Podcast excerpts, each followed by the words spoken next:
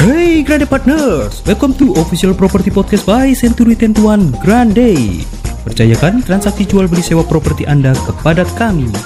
Kunjungi main office kami di Ruko Topas Komersial B21 Sumarekon, Bekasi. Dan branch office kami berada di Jalan Raya Kerobokan nomor 72 Seminyak, Bali. And here's your host.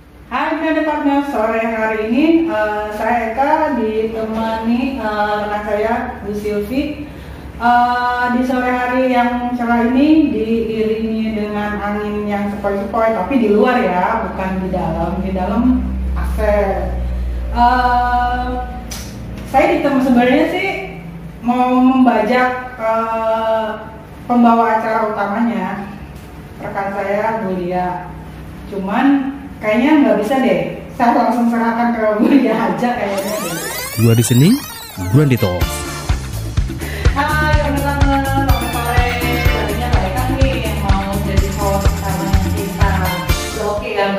ya. Cuma belum Iya, pede. belum pede Iya. aja.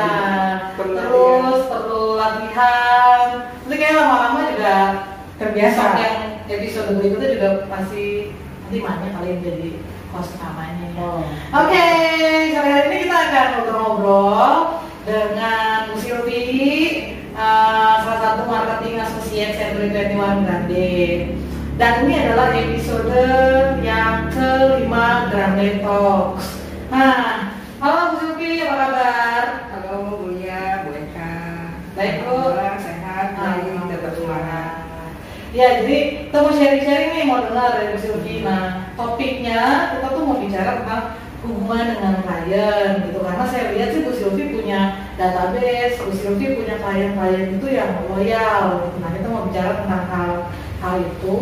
Dan nanti Bu Silvi kasih tau kita ya tipsnya, gimana caranya dari awal. Oke, kalau lihat dari beberapa listing-listing Bu Silvi ini gitu kan yang selama ini kita jual, saya lihat ada hubungan kedekatan khusus antara Bu Silvi dengan klien. Nah, biasanya tuh e, bisa punya hubungan seperti itu dalam waktu yang berapa lama Bu? Apakah sebentar udah langsung akrab atau justru yang dibangun bertahun-tahun gitu? Biasanya Bu Silvi seperti apa Bu? Eh, awalnya saya terjun ke dunia properti adalah sebagai klien dari sebuah agent. Saya jual beli melalui agent properti ternama dan saya terkesan dengan cara kerja dari marketing tersebut. Lalu saya punya keinginan untuk eh, mencoba. Terinspirasi ya Bu? Iya. jadi, jadi Saya awalnya karena melihat hubungan dengan Iya, seperti itu gitu. ya. Saya melihat cara kerja mereka, saya sebagai vendor atau saya sebagai buyer, cara kerja dari agent properti tersebut eh, cukup baik saya bilang ya, Eh, akrab, helpful gitu. Lalu setelah saya membeli sebuah rumah, eh, saya juga punya keinginan akhirnya join dengan agent properti. Saya mencoba itu dari nol pengalaman. Hmm. Cuma saya punya keinginan besar, saya ingin merubah hidup saya, saya ingin punya relasi, saya ingin punya teman yang banyak. Akhirnya saya bergabung di sebuah agent property. Kurang lebih mungkin 6 tahun lebih yang lalu ya. Tuh. Dan punya penghasilan sendiri ya Bu di luar Iya. data dari Bapak Betul, kan? kita juga ingin punya eh, income sendiri yang kita bebas menggunakannya gitu. Terus gimana caranya Bu Sulfi bisa punya hubungan tadi tuh yang klien-kliennya jadinya loyal gitu sama Bu Sulfi? Cara pendekatannya gitu. pendekatannya ya. Eh, kalau saya dalam bekerja itu selalu all out. Eh, sa- apa yang saya punya saya eh, berikan ke klien itu memang ingin membantu sebetulnya. Jadi dalam eh, konsep saya, saya harus membantu klien sebaik mungkin. Eh, meskipun mereka nggak beli, meskipun mereka eh, PHP. PHP atau apa gitu ya, Udah sering kalau PHP sih ya Bu. sering jadi saya nggak pernah kecewa saya pikir itu adalah sebuah pengalaman yang menempa saya menjadi lebih tough ya ke depannya gitu jadi nggak selalu manis sih gitu cuma eh, dalam membangun hubungan dengan klien selain kita harus jujur kita harus call out istilahnya kita tulus membantu mereka walaupun nanti kita mendapatkan imbalan itu adalah yang tujuan kesekian kalau karena bagi saya kalau mereka puas mereka akan rekomen kepada teman-temannya yang saya dapatkan seperti itu biasanya sih temannya, saudaranya semua nanti dengan saya. Gitu. Jadi merekomendasikan ya, juga ya. referensi, referensi. Nah, cara tadi tuh yang customer loyal itu banyak sih. Dari seluruh gimana cara maintain itu semua kan pasti permintaannya macam-macam. Terus kadang juga untuk kesabaran gitu loh, untuk bisa bangun hubungan tadi Hmm. sampai waktu yang lama. Biasanya Bu Sylvie lakukan apa supaya hubungan antara hubungan dengan klien ini bisa terus menerus terjalin dan bahkan lebih banyak lagi gitu. Kalau dengan uh, pemilik properti biasa kita gunakan owner ya. Uh, biasa kalau saya belum kenal, kadang-kadang kalau saya mau melisting yang canvassing, biasa kan banyak ditolak. Saya punya cara biar mereka mau saya listing. Rata-rata sih mau ya, biasa sudah saya dekat. Caranya gimana? Uh, kadang-kadang ada sampai tutup telepon, karena nggak mau, saya nggak mau, nggak mau. Saya coba lagi, saya coba lagi. Nah, kalau ada WA, saya biasanya kasih uh, info-info properti kepada mereka. Nanti lama-lama mereka hubungi saya. Oh, berarti ini marketingnya baik nih, pengen membantu saya. Jadi niat saya adalah membantu, gitu. Nah, lalu kalau uh, ini pakai strategi juga ya meskipun Iya. ditolak langsung menyerah gitu Betul. tapi justru kasih info properti-properti yang yang mirip sama propertinya gitu kalau di ruko berarti kita kirimin info-info tentang ruko kali gitu ya Nah, dari eh, pengalaman 6 tahun lebih sebagai agent properti, saya banyak belajar hal eh, tidak hanya bagaimana menjalin hubungan, eh, tidak hanya bagaimana menjual, terus tapi juga kita harus mempunyai wawasan. Salah satunya adalah eh, mengenai keuangan, legal, mengenai pemasaran, terus juga kita mesti menguasai berbagai produk knowledge, kita juga menguasai bisnis, perbankan, bahkan politik. Eh, seiring dengan perkembangan waktu setelah kurang lebih mungkin eh, memasuki tahun kedua saya di agent property, saya mulai mengembangkan diri saya bermain di ruko komersial. Saya mulai dari nol, sama sekali tidak punya pengalaman dengan pengalaman ruko. Nah di situ saya belajar eh, eh, apa ya eh, namanya fact finding apa sih kebutuhan dari klien. digali ya bu Ya, jadi kalau saya punya listing ruko owner biasanya punya keinginan eh, sewa atau jual pasti kan keinginan seperti ini seperti ini. Kalau dari pihak pembeli atau penyewa juga punya keinginan seperti ini seperti ini. Yang saya paling senang adalah eh, bergaul dengan klien-klien di bidang komersial eh, itu membuat saya semakin percaya diri, membuat saya semakin tertantang harus menguasai eh, dari bisnis mereka juga. Jadi kalau saya bicara dengan tukang bakso, saya seperti bunglon kan. Hmm. Ketika harus seperti bunglon. Iya, iya. Tukang bakso ya saya bicaranya pakai bahasa kasar. Tapi kalau bicara dengan konglomerat yang biasanya sih klien saya ruko-ruko adalah memang yang konglomerat ya dari Sunter, dari Gading biasanya seperti itu.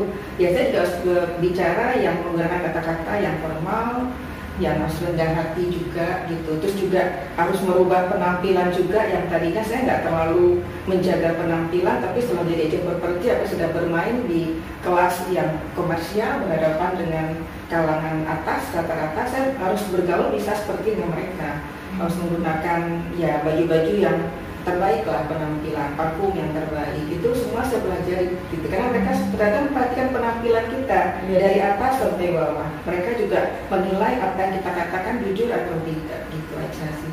Terus eh, cara eh, pertama ibu eh, maksudnya men- menjalin hubungan pas ibu kan awal-awal masih belum berpengalaman tuh bu, maksudnya baru masuk ibu kan dari eh, ibu rumah tangga ya, Iya. dari ibu rumah tangga terus eh, bekerja di agent properti, nah kan masih nol lah ya gitu. Cara menjalin hubungannya gimana tuh bu? Menjaga hubungan baik dengan klien?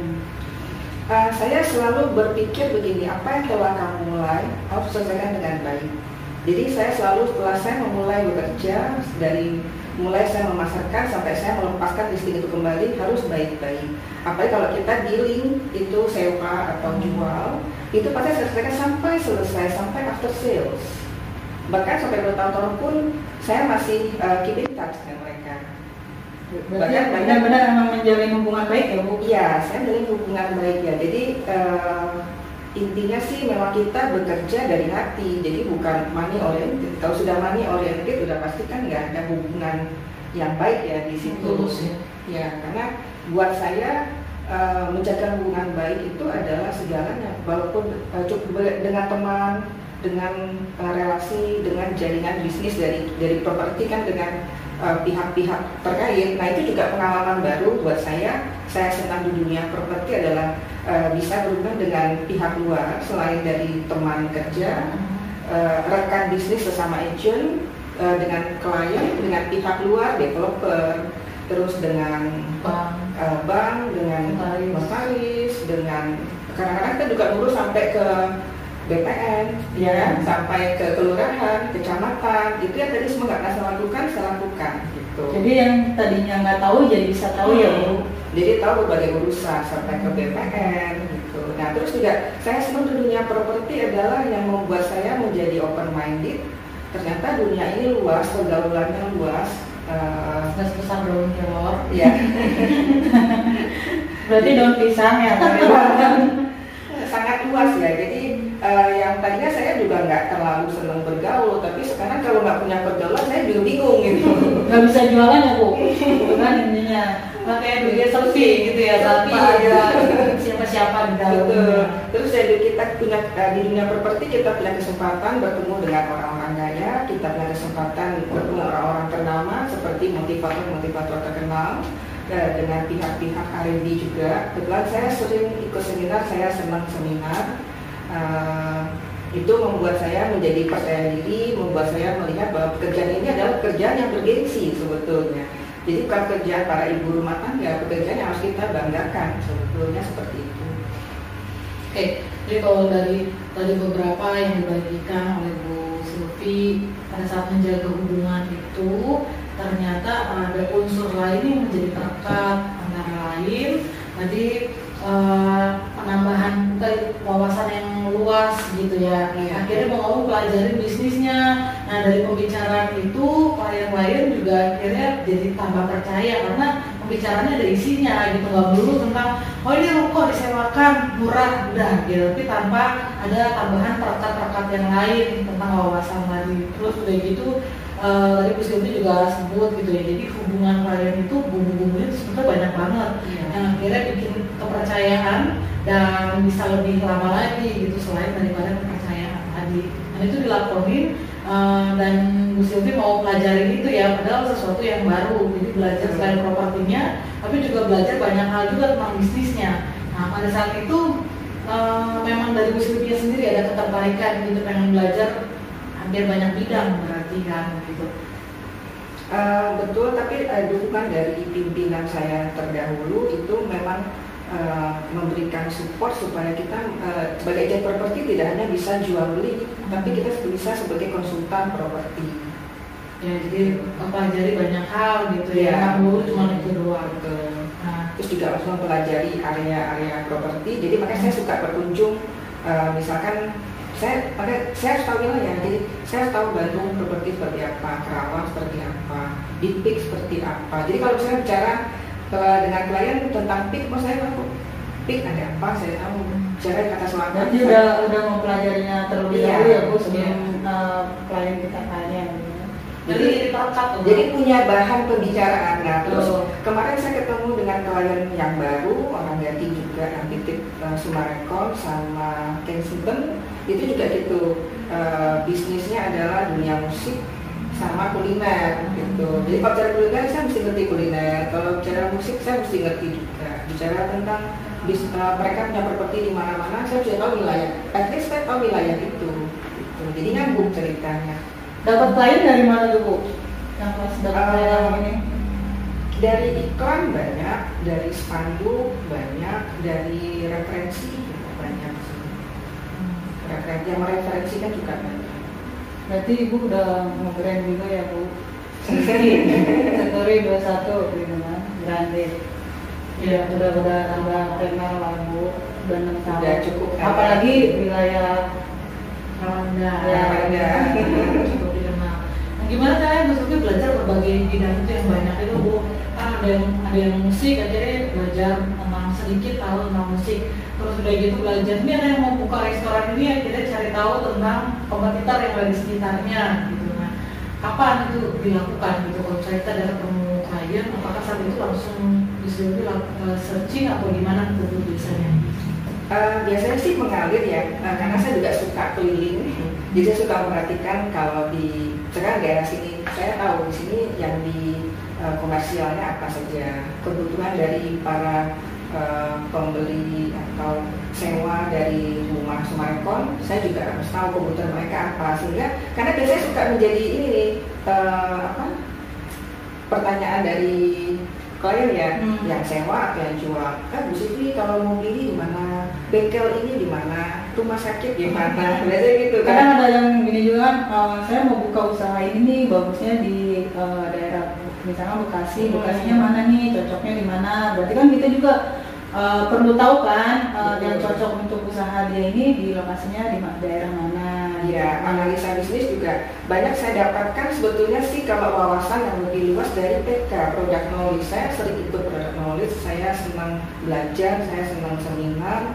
Uh, dari produk knowledge saya biasanya menguasai wilayah. Saya menguasai uh, peta bisnis dari uh, apa wilayah tersebut. Biasanya seperti Cikarang. Dulu saya nggak tahu Cikarang itu apa sih potensinya jauh biasa-biasa aja. Kok bagi saya seperti itu. Setelah saya tahu ikut produk knowledge beberapa kali di sana dan saya beberapa kali datang ke sana saya tahu potensi Cikarang hal yang terbesar adalah dari segmen Jepang dan Korea nya itu yang membuat pertumbuhan bisnis di Cikarang itu uh, diincar oleh banyak developer diincar oleh banyak investor gitu. Jadi saya sering ikut produk knowledge sih sebetulnya. Sampai ke sampai ke Bandung sampai ke mana-mana sih. Memang sering sekali tingkat tingkat uh, intensitas untuk ikut produk nulis ke mana-mana. Itu yang membuat wawasan saya jadi luas sebetulnya. Jadi memang saya jarang di kantor ya Bu? saya memang uh, kurang suka berada di dalam ruangan Uh, terus juga saya juga nggak terlalu suka kalau suruh duduk dari pagi sampai sore diam gitu orang orang lapangan gitu iya, ya. kalau meeting pun saya pasti kan pergi jalan-jalan muter-muter gitu. Memang seperti itu gitu. Dia nggak terlalu suka di depan laptop gitu tapi saya suka bernegosiasi saya suka explore sebenarnya. Tipe tipenya seperti itu. Tapi kalau berputar terus di depan laptop satu jangan satu satu jam aja bertahan saya udah udah hebat gitu. Saya nggak terlalu suka gitu dengan dengan laptop gitu. Tapi Jadi, harus dikerjakan. uh, saya menurut cara pemasaran cara, cara pemasaran ibu uh, dengan internet juga kan? Ya dengan internet ya uh, dengan uh, WA juga dengan sepatu juga gitu. Uh, terus biasanya sih mereka uh, apa udah berbau dari situ informasi-informasi ya biasanya oke okay, jadi uh, pokoknya memang karena kesukaan makanya belajar ya. udah gitu memperhatikan sekitar supaya nanti kalau dibutuhkan kita udah mulai ngomong oh di sana ada ini ada itu ada apa gitu. jadi uh, kalau lihat dari dari yang Bu Silvi barusan sampaikan itu memang Bu Silvi suka gitu. Jadi jadi mau cari tahu hal-hal yang baru dan justru memperkaya gitu. Sehingga ya, pada saat dibutuhkan kita tuh kayak sekarang pada saat belajar lewat PK tadi gitu ya kita tahu di sana itu ada market yang cukup besar Korea sama Jepang. Nah pada saat jualan di daerah Cikarang informasi itu kita udah punya gitu ya. Makanya berisi dan akhirnya berwawasan dan rajin berarti ya bu ya gitu ya. Meskipun belum diperluin sekarang informasinya tapi ya. terus ditambahin lagi terus menguasai gitu ya tambahin lagi. Tapi daerah Serpong kan banyak juga klien bicara tentang Serpong. Ya. kalau saya nggak pernah ke situ saya nggak tahu apa apa tapi saya sering ke Serpong product knowledge uh, dan kita menguasai daerah Serpong. Apa aja sih ada di Serpong? Uh, pesaing-pesaing dari developer besar itu apa? Yang kecilnya apa?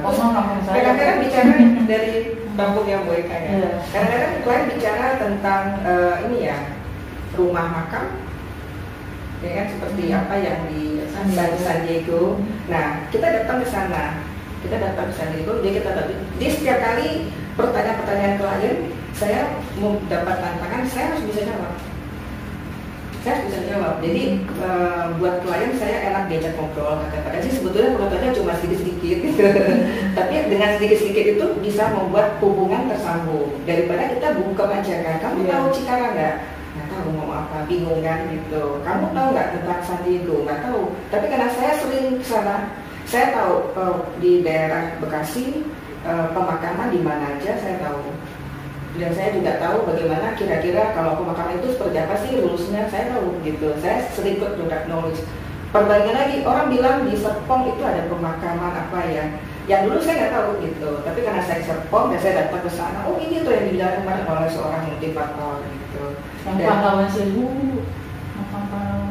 enggak sih Oh, umum ya? umum juga seperti San Diego juga Hmm. sangat terkenal Saya sih kalau serpong malah nggak tahu bu. ada pemakaman ya itu didapatkan dari eh, dari kita ikut product knowledge. Kalau kita sering ikut product knowledge bukan hanya di Sumarekon tapi kan saya memang eh, dulu di kantor yang lama keliling ya.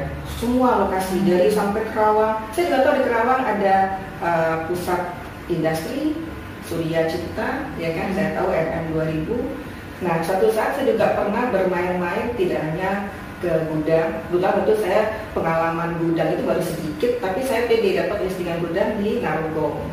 Bicara-bicara ya ngerti. Dan yang paling mengesankan adalah permintaan gudang sewa di Marunda yang mana kita masuk ke wilayah Marunda yang notabene itu adalah wilayah pelabuhan ya. Iya. Hmm, wilayah pelabuhan. Harusnya sih pakai ramah wanita gitu. betul. Yang kuli-kuli gitu kan. Harus, bisa menyesuaikan ya bu, datang ke sana dengan. Hmm. Kita datang malah dilihat-lihatin. So, so kenal so aja ya.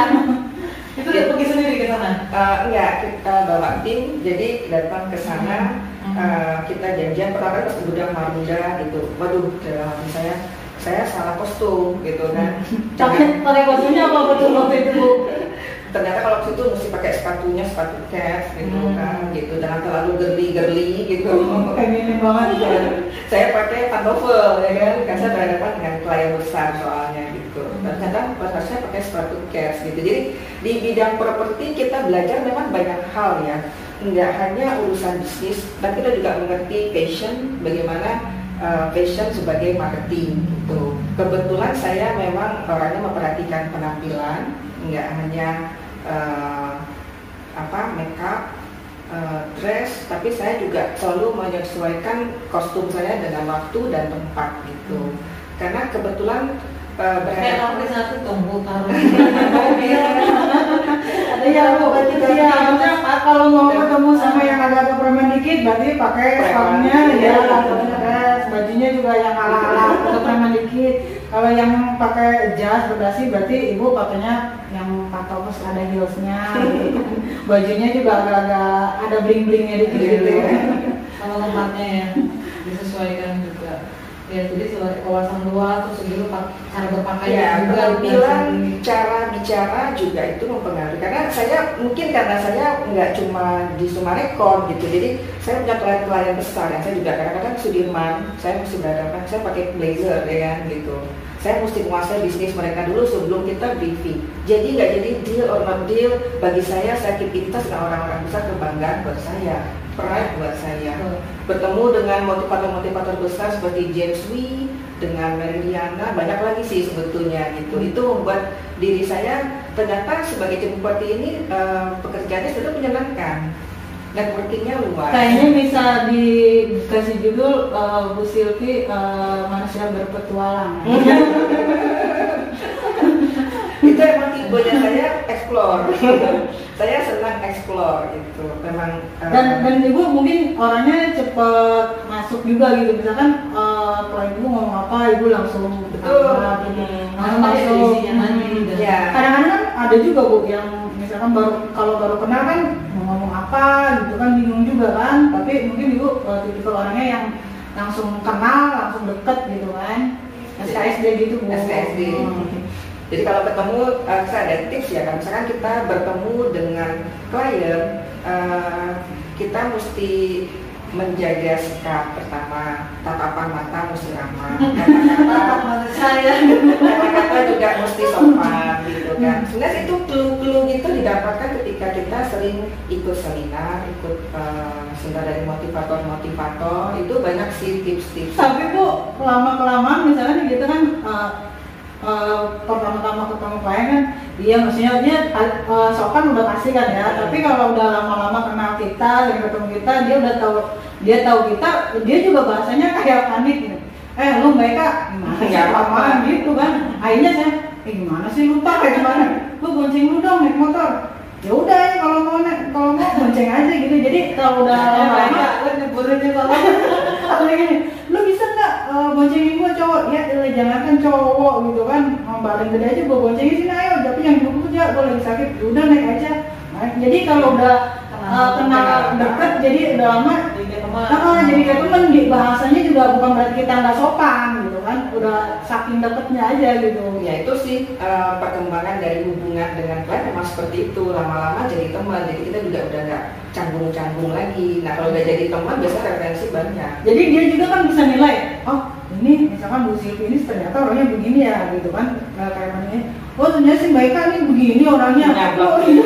Pertama-tama dong ngomongnya agak cewek-cewek dikit gitu kan. Ternyata begini. Ya mau begini pak namanya baru kenal ya harus di jain dulu lah pak gitu kan. Akhirnya main gitu jadi kalau udah kenal lama akrab aja. Ya biasa aja sih sebetulnya karena kita kita kalau pertama kali ketemu kan mesti profesional kan Iya. sifatnya kan.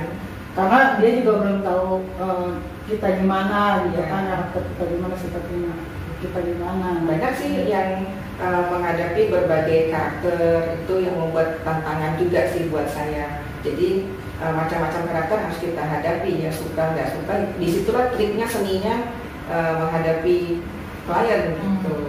Oh. Ya, jadi hubungan dengan klien nanti ternyata di belakangnya itu ada banyak perekatnya. Nah, di antaranya adalah wawasan yang luas, cara kita, attitude kita, bahkan sampai penampilan aja diperhatikan supaya dia nggak bosen gitu sama kita dan nggak me- apa namanya membuat matanya perih gitu ya Bu, ya. tapi gini sih bu kalau misalkan saya nih misalkan eh, antar klien beberapa kali so unit gitu kan eh, misalkan akhirnya jadi nih deal gitu kan. Eh, terus akad kan. Dia ngeliat penampilan saya yang mau akad itu kan. Saya kalau akad agak-agak cewek dikit gitu kan. Pakai rok sepatu juga. Up. iya gitu kan. Kan kenapa suka aneh. Mereka jadi cewek ya? Gitu. Mereka kalau punya udah punya kalau sayanya malah nggak ya kan? Jadi foto. Gimana sih? Sebenarnya sih jadi diri sendiri sih jadi diri sendiri orang lebih nyaman juga sih dengan kita ya. Hmm. Kalau kita bikin-bikin pasti nggak nyaman. Ternyata klien itu sangat memperhatikan penampilan kita. Karena saya udah lama jadi saya tahu. Karena pernah pernah waktu itu sekali gini. eh, apa namanya? Saya pakai parfum, ya kan? Kebetulan ini klien terus dia bilang gitu. "Eh, saya tahu parfum yang kamu pakai. Saya bilang, saya kaget gitu kan. pasti mahal gitu kan tahu ya gitu kan terus ternyata memang mereka sangat memperhatikan penampilan. Bener sih bener. Maksudnya kan kita ketemu klien juga nggak mungkin dengan Iya jadi efek dari setelah jadi marketing nggak cuma wawasan makanya bergabunglah dengan Century 21 Iya. Grande untuk jadi marketing banyak sekali benefitnya. Tidak hanya income mendapatkan relasi hubungan bisnis ada juga mendapatkan wawasan mendapatkan eh, apa namanya rasa percaya diri mendapatkan juga kebahagiaan dengan keluarga. Banyak perakhiran. Keterampilan, ketemu hal-hal yang baru. Ketemu hal-hal baru terus juga eh, akibatnya eh, ini ya kan kan dulu sih saya nggak terlalu perhatikan penampilan tapi lama-lama saya berpikir "Hmm, ternyata kalau jadi jadi marketing itu kita menulis juga diperhatikan buku bersih nggak makanya di makanya bu eh, biar biar lembut terus Hmm, eh, pakai tangan lotion, eh, pakai hand, gitu. hand, hand cream terus kan tangannya biar kalau salaman mau ada ya mau ada klien ada klien cuci tangan dulu terus pakai hand cream kan kalau salaman ih wangi gitu kan tangannya itu kan semuanya uh, Terus bumbu kepala ya kapalan itu diasatin dulu. Ya kalau misalnya tangan kita agak-agak kapalan mulai kan perawatan dulu perawatan. malu jadi lama-lama saya jadi terbiasa perawatan gitu. Banyak sekali sih benefitnya sebetulnya. Terus ada sisi-sisi lain yang saya dapatkan yaitu membuat buat orang mungkin nggak penting tapi buat saya penting pengalaman hidup dari mereka yang mereka sharing ke saya Nah, iya betul itu Hmm. maksudnya kita ngerasa oh gue sebagai marketing dipercaya Iya. Eh, masalah pribadi aja kadang suka dicurhat dicurhatin ke kita itu gitu tadi kan udah deket tuh banyak Ah, udah ah, nyaman ah. udah biasa ngobrol curhat nah terus dari jual beli saya banyak dapatkan the- jual beli ya sewa juga sih banyak. Ternyata plan-plan ini punya permasalahan-permasalahan pribadi yang cukup berat juga gitu. Kadang mereka jual karena perceraian kadang mereka jual karena butuh buat sekolah anak gitu. Kadang mereka jual rumah itu terdampak dari rumah itu cari rumah sewa ke saya karena hutang piutang ada juga klien saya yang anaknya meninggal di rumah itu gitu. Jadi Trauma juga. iya. Jadi banyak sekali ya ada yang punya macam-macam sih gitu. Jadi permasalahan hidup dari klien kita yang membuat kita timbul rasa empati sebetulnya. Ya, jadi jadi ada rasa empati juga. Gitu. ceritanya banyak banget ya dan itu harus nunggu infotainment ya Kayaknya nggak nggak nggak nggak cukup satu episode podcast ini kayaknya harus nyambung lagi. tentang hubungan dengan Iya. gitu ya Belum yang lain-lain suka dukanya. Iya. Jadi kalau mau punya hubungan eh, dengan klien, di mana kliennya itu loyal sama kita, banyakin perekat-perekatnya tadi gitu ya, di share sebagian sama Bu Silvi gitu ya. Nah, gimana caranya Bu supaya teman-teman juga punya eh, mindset yang sama gitu kita tuh belajar, kita tuh siapin bisnis eh, bisnis view-nya gitu ya. Kita juga harus belajar tentang cari informasi tentang kompetitor gitu bisnis yang akan dibuka di tempat itu oleh klien kita gimana caranya supaya bisa memiliki kesukaan itu gitu yang sekarang Bu Sylvie miliki Ya dari beberapa banyak transaksi ruko, saya banyak main di ruko gitu. Dapat reward juga karena jual ruko. Eh, adalah kita menguasai peta bisnis dari wilayah tersebut. Kebetulan wilayah yang sangat saya kuasai adalah Rapah Indah. Eh, so- misalkan mereka bisnisnya di bidang kuliner. Contoh dari restoran steak buka cabang di sana. Ya, jadi kita sebagai marketing adalah sebagai properti konsultan juga, bisnis konsultan juga. Jadi harus menguasai di daerah tersebut eh, pesaing-pesaing mereka siapa, gitu. Yang sudah masuk di bisnis yang sama apa. Terus kita harus menguasai kira-kira di sana eh, potensinya besar tidak Eh, masyarakat menengah ke bawah atau masyarakat di menengah gitu. Segmennya kuat nggak, daya belinya kuat nggak gitu seperti itu sih gitu jadi menguasai juga bisnis ini makanan ini yang diminati atau tidak biasanya sih mereka dengar apa yang saya bilang dari beberapa Berarti ibu ngasih masukan juga ya gitu. Maksudnya Oh, bagusnya cocoknya ini di sini, Hmm. ini di sini, ini loh. Terus dari segi lokasi yang dipilih juga kita harus menguasai bahwa lokasi ini adalah uh, worth it buat bisnis bapak, ya kan? Bapak di sini bisa untung dengan keuntungannya seperti ini. Mungkin dari segi arah, mungkin dari segi posisi ruko, mungkin dari segi pesaing-pesaing bapak ada di mana. Akan ada wilayah uh, yang dia di, di bidang di, di wilayah ini kulinernya di sini ramai. Ya, kalau kuliner biasanya yang saya tahu di mana kulinernya rame, bisnis kuliner mesti ada di situ, bukan sendiri-sendiri. Karena bisnis kuliner harus bersaing. ya. Makanya Itu satu caranya punya kemampuan untuk bisa menjelaskan sedetail itu dan menjelaskan lebih luas lagi daripada Oh, sebatas iya. propertinya gimana caranya supaya teman-teman yang lain juga punya kemampuan itu kalau menurut Sylvie gimana nih langkah-langkahnya gitu supaya bisa menjelaskan detail supaya bisa menjelaskan lebih lebar lagi lebih luas lagi gitu langkah awalnya seperti apa? Langkah awalnya adalah kita mesti menguasai wilayah di mana kita bekerja. Itu satu. Nah, trade area. Ya. Jadi menguasai itu bahasa batas trade area. informasi umum gitu betul Iya. sampai ke dalam-dalamnya dicari-cari Iya. itu time menguasai Seperti wilayah Sumarekon. Uh, kita harus tahu peta dari Sumarekon. Peta Sumarekon misalnya gini, nih, terdiri dari uh, residence itu di sebelah mana. Residence ini terdiri dari beberapa klaster. Uh, di sini sektornya berapa berapa gitu kan. Terus juga uh, di sini ada apalagi apartemen, ada lagi uh, university, ada lagi pasar. Nah dari pasar itu kita bisa bicara banyak juga. Ruko di sana banyak dijual, potensinya apa? Kalau dari segi komersial uh, di CBD Nah, di sini juga kita mesti menguasai wilayahnya adalah berapa hektar, terdiri dari each itemnya berapa hektar yang harus didirikan di sana. Uh, biasanya kalau tanah bangunan komersil seperti itu sih, kita mesti tahu uh, bangunan yang didirikan sana perizinan dari developer seperti apa. Minimum biasanya tiga lantai dengan kapasitas uh, brandnya yang seperti apa. Biasanya ada sih toolsnya. Iya. gitu. Itu ada sih gitu. Nah, saya biasanya suka keliling saya memang suka berpetualang Cari tahu dulu. Hmm. Jadi saya suka hobi keliling, saya keliling, saya amati. Itu saya juga suka kan uh, semua rekor. Saya buka petanya, saya pelajari dari peta itu. Oh ini di sini, di sini gitu. Jadi karena saya suka berkeliling, saya suka mengamati sebetulnya gitu. Terus kalau saya nggak ngerti nanti saya buka dulu internet gitu kan. Oh ini loh. Nah jadi saya kalau saya menawarkan bisnis ini, saya bicaranya ini.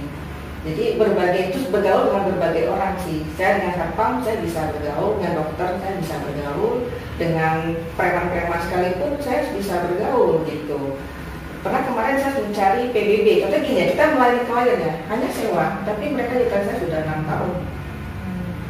Hanya sewa kan, komisi nggak seberapa, buat saya nggak penting, relasi mereka, kepercayaan mereka tidak saya jauh lebih besar saya mesti ngurusin PBB dari informasi di PBB aja. Misalkan waktu berminggu-minggu saya berhadapan dengan preman saya nggak mau ngasih nomor telepon. Berbagai cara saya mesti dapat. Akhirnya dapat.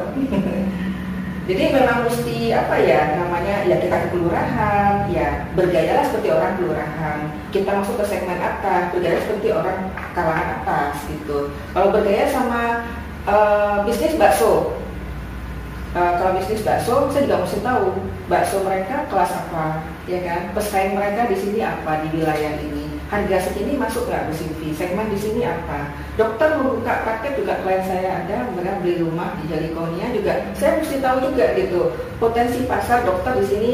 Dokter-dokter ada di harapan indah uh, siapa saja? Ya kan? Kira-kira saya di sini jual apa enggak nih buka di usaha di sini. Potensinya di sini ibu hamil ibu-ibu muda berapa orang kira-kira dokter masuk nggak itu di hitungannya oke masuk. Dan dia beli. Langsung beli. Percaya dengan analisa bisnis saya di sini dok uh, lingkungan di sini tiga klaster itu ada sekian ribu unit. Mesti tahu menguasai gitu. Unit ini ada berapa potensi potensinya nah itu yang membuat saya senang bergaul di uh, bidang komersial karena bicaranya macam-macam nah kalau kita jual rumah ya kan? Kita jual rumah kita juga mesti Eh, membawakan diri kita uh, bahwa klien ini adalah melihatnya rumah. Jadi tidak ada hitungan untung rugi. Tapi saya bicara kenyamanan. Ibu lihat dapurnya keren kan? Ibu senang memasak gitu kan?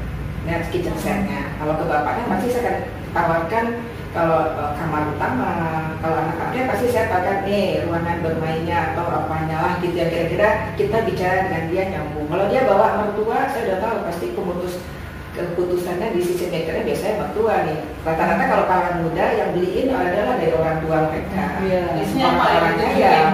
Yang ditunjukin kalau mertua yang lihat kalau mertua biasanya dia lihat kadang-kadang feng shui ya. Iya. Hmm. Shui gitu madep-madep pokoknya ya. hadap mana hadap mana itu kayaknya kalau yang diajaknya mertua orang tuanya ngaruh banget ya bu Aduh, kalau kalau ke kalangan yang tua biasanya saya bahwa jelas ibu beli di sini selain dari uh, security biasanya sih. Hmm. Itu yang membuat mereka tenang. Karena permintaan khusus yang harus diganti satu ke satpam gitu kan. Jadi semuanya saya ikutin aja sih karena saya saya harus bisa memuaskan klien sesuai dengan keinginan yang bukan keinginan saya gitu yeah. loh. Ya kan, mereka minta sekarang rumah sewa, ah semuanya cuma dua kamar, tapi saya tiga bu, saya maksakan ke yang tiga nggak bisa. Jadi uh, makanya klien saya yang saya handle semuanya puas karena sesuai keinginan mereka. Saya carikan sesuai keinginan mereka gitu. Jadi nggak pernah juga yang triki-triki gitu. Karena buat apa ya kita kan bisnis jaga panjang. Jadi nama baik juga ya, kita kan juga punya nama gitu yang harus kita jaga. Perusahaan kita juga harus kita jaga gitu. Nggak hanya diri sendiri. Ya, makanya hubungan dengan klien yang loyal ataupun yang berkualitas itu hasil dari setiap langkah-langkah yang berkualitas juga ya bu. Iya. dari mulai menunjukkan aja itu dari berbagai cara nggak yang sem nggak yang semua dipukul rata ini bagus. Nah tapi benar-benar ini ini istrinya gitu ya ditunjukkan dapur yang bagus. Terus ini suaminya yang ditunjukkan adalah kamar tidur yang luas. Anak-anaknya kamar uh, anak gitu ya bisa main ruang TV biasa di mana mereka biasanya senang juga di sana hmm. gitu. buat main ya makanya dari satu hal aja waktu kita bicara tentang hubungan dengan klien gitu ya itu banyak sekali yang jadi PR gitu ya belajar untuk punya wawasan luas, belajar pakai strategi-strategi gitu supaya berkualitas gitu setiap langkah yang kita lakukan begitu dalam prosesnya. Um, mereka ada pertanyaan lagi apa mbak? Eh, pertanyaannya ini Ya, tentang hubungan dengan klien. jangan jangan jangan jangan Terpanjang. Soalnya eh, gue sendiri berarti perlu banget ya nge-brand kita diri kita sendiri nih gitu. Iya. Perlu banget gitu.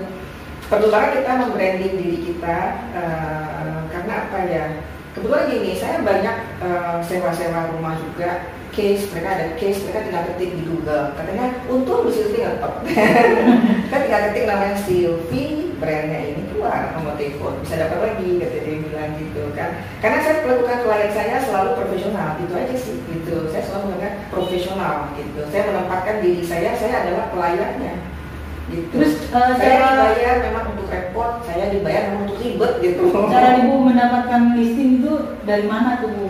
Kalau listing sih dari portal iklan banyak. Maksudnya ibu ibu nanti call up gitu. Iya, mereka bisa telepon gitu. Oh, eh, pertamanya eh, dia lihat eh, di portal itu, Hmm. terus dia mau mau menjual uh, gitu kan, terus dia telepon ibu. gitu. Kebanyakan dari situ atau dari apa bapak kan kasih namanya?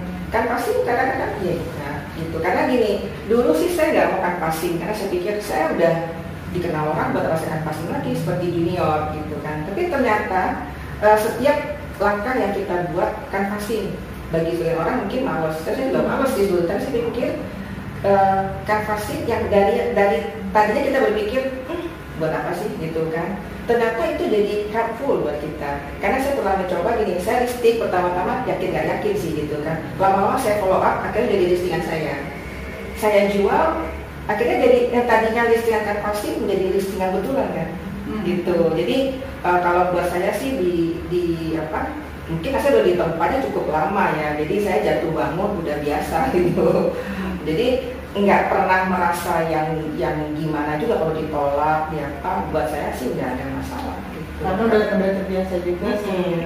Awal-awal saya mencari listing malu ya gitu harus nelpon ngomongnya gimana gitu Apalagi kalau ditolak gitu kan. Iya, pernah Enggak, juga gitu. Saya enggak mau lewat agent. Pernah juga jual gitu, sendiri aja. Jual sendiri aja karena pernah mungkin di- dibatingin telepon gitu kan nggak mau. Saya nggak pernah surut gitu. Saya orangnya kebetulan tough jadi saya nggak pernah surut. Oh saya senang gini saya orangnya gini loh penasaran gitu loh mulia. Jadi oh kamu nggak mau suatu saat kamu nyari saya. Saya kan mikir seperti itu bener. Beliau bakal butuh bener besok besok nyari. Di sini pasarin deh katanya kan. Jadi saya selalu banyak akal sih sebenarnya. Kalau yang kayak gini, ya bu saya nggak mau nih bu titip sama Century, gitu. saya mau titipnya sama Bu Silvi. Nah, Bu Silvi gimana tuh? Fit? maksudnya Saya ikut follow up saya Silvi dari Century 21, Grande gitu. Terus saya mau pasarin. Nah ternyata dari klien itu dari owner dia bilang gini, saya nggak mau titip sama Century 21, saya mau titipnya sama kamu aja. Pribadi berarti gitu. Oh. Nah biasanya Bu Silvi responnya seperti apa? Banyak yang minta seperti itu di Jawabnya jawabnya apa tuh? Oh, di papa juga gitu kan, Eh, udah masuk pakai tren, langsung kamu aja dia bilang gitu kan. Terus saya bilang gini, Pak, dari awal saya bekerja, saya justru bangga dengan brandnya itu, Pak. Gitu. Dari awal memang saya komitmen, saya bekerja untuk brand saya gitu. Dan saya selalu bangga bawa bawa brand saya ke mana-mana. Makanya saya selalu menggunakan ID card. Identitas saya, saya bangga. Ke mana pun saya pergi, saya selalu bilang saya adalah dari agent Century 21. Hmm. Oke. Biasanya pada saat dijawab seperti itu, Pak ini gimana? Akhirnya jadi mau nitip atau Nitip sih. nitip? Dan akhirnya ngerti juga gitu loh bahwa kita adalah berkomitmen kerja gitu. Iya.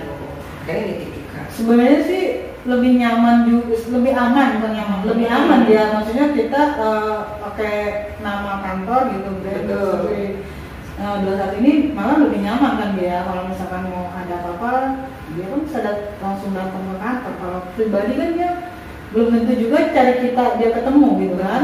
Kalau ada rumah ada kantor pasti dicari juga nggak Nah itu kan benefitnya menggunakan agent kita bisa jawab gitu gitu sih. Iya, jadi uh, Baik. apa namanya uh, menggunakan jasa agent properti itu sebetulnya sih kalau kita nilai dari nominal mungkin nggak seberapa, tapi tanggung jawabnya yang besar sekali.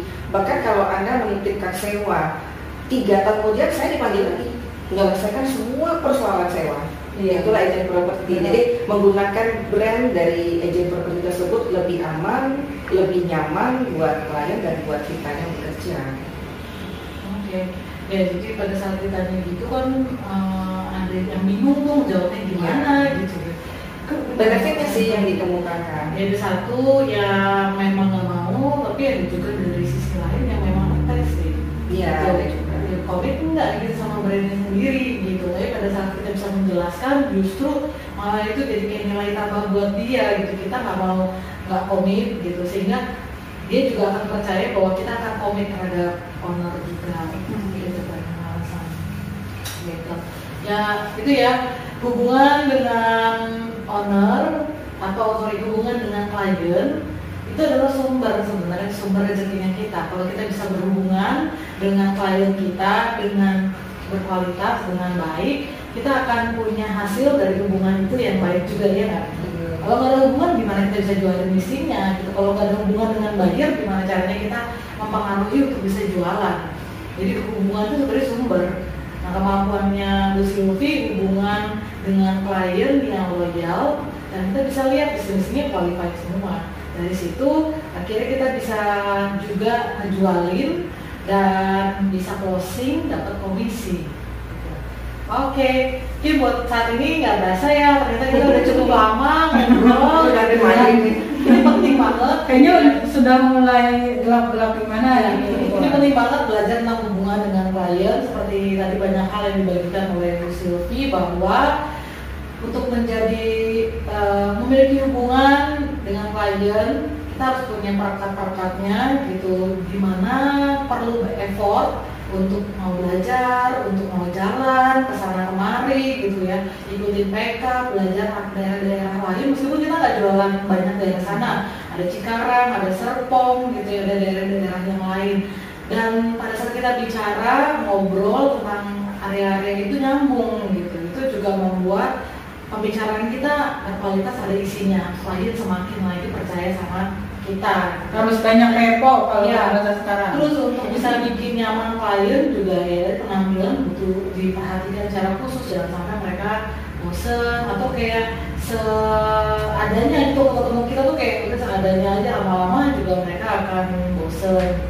Dan banyak hal sih tadi kalau teman-teman Grande Partners tangkep gitu ya tentang hubungan dengan klien yang dibagikan oleh Bu Sylvie saya yakin akan memberikan eh, insight yang baru atau insight yang baru gitu bahwa hubungan itu nggak semata-mata tentang saya kenal sama kamu gitu. Enggak gitu ya. Tapi di dalamnya harus ada dijaga di dalamnya harus ada bumbu-bumbu lain yang ditambahkan.